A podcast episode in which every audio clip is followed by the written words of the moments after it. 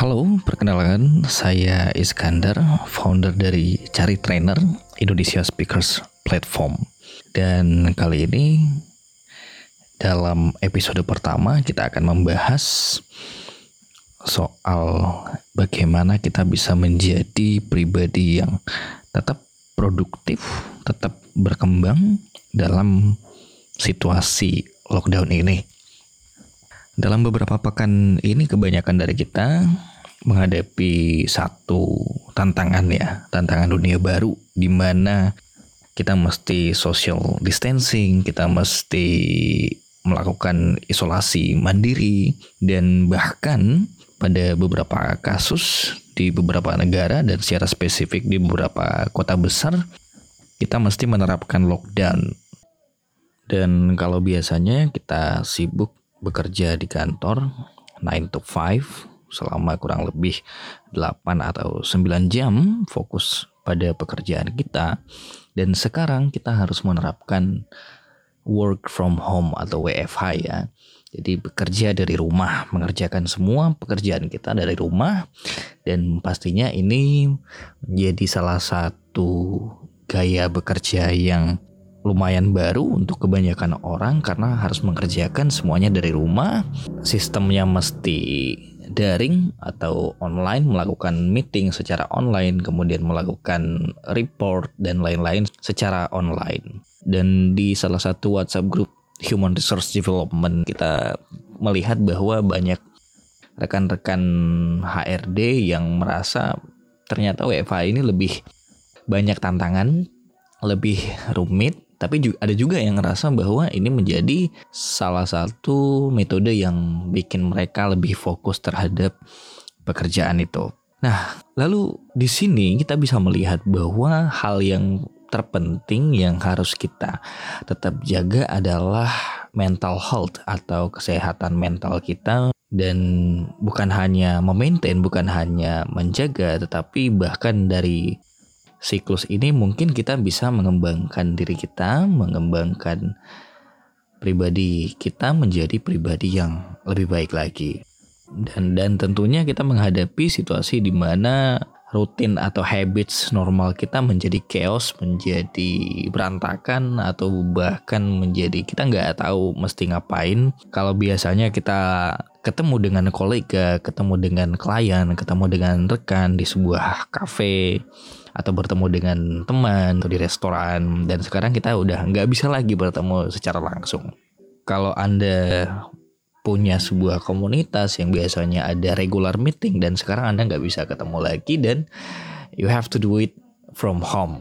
Poin saya sebenarnya adalah kenapa kita nggak melihat situasi disrupsi ini mungkin saja bisa menjadikan kehidupan kita, memberikan kesempatan buat kita untuk menjadikan kita lebih baik lagi dan dan di episode pertama ini saya akan sharing soal 5 tips untuk menjadi pribadi yang lebih baik lagi dan berkembang di situasi lockdown. Yang pertama adalah fokus untuk mengembangkan spiritual. Kalau biasanya kita sibuk bekerja, sibuk terhadap hal-hal yang sifatnya materi, fokus terhadap hal-hal yang sementara, mungkin saatnya kita fokus terhadap spiritualnya kita. Kita mulai berbanyak beribadah atau mulai banyak berdoa dan mendekatkan diri kita kepada Tuhan yang Maha Esa. Dan tentunya ini akan menciptakan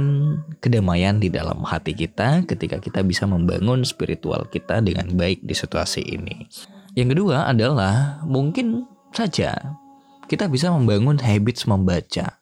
Kalau selama ini Anda kebanyakan beli buku, kemudian ternyata Anda gak baca, Anda simpan di rak buku, biarin berdebu, dan mungkin situasi seperti ini adalah situasi yang sangat tepat untuk memulai kebiasaan untuk membaca, mereview kembali apa yang pernah Anda baca, dan kita punya lebih banyak waktu lagi untuk fokus terhadap apa meaning, apa insight yang dimiliki dari satu buku bacaan.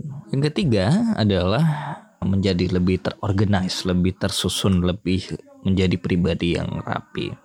Dan situasi ini menjadi salah satu situasi yang memberikan kita kesempatan untuk mengorganize item-item atau to-do list kita yang sifatnya jangka panjang yang akan kita lakukan nantinya.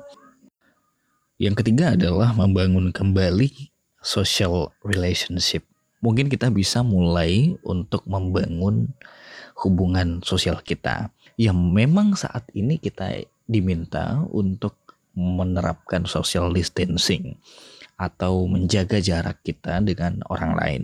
Tetapi kita bisa melihat bahwa ternyata sebelum adanya penerapan lockdown ini, kadang-kadang kita sebenarnya punya distance dengan orang lain. Kita secara fisikal dekat dengan orang lain, secara fisik dekat dengan orang lain, tapi kita nggak membangun hubungan sosial ini dengan baik. Nah, kenapa kita nggak mencoba untuk menghubungi teman-teman lama kita dan ngobrol soal memori-memori lama, ngobrol soal sesuatu yang mengembalikan kita, sesuatu yang membuat kita kembali nostalgia. Dan ini bisa menciptakan hubungan yang lebih dekat lagi dengan orang lain, dengan keluarga, dengan teman-teman kita. Yang keempat adalah learn a new skill.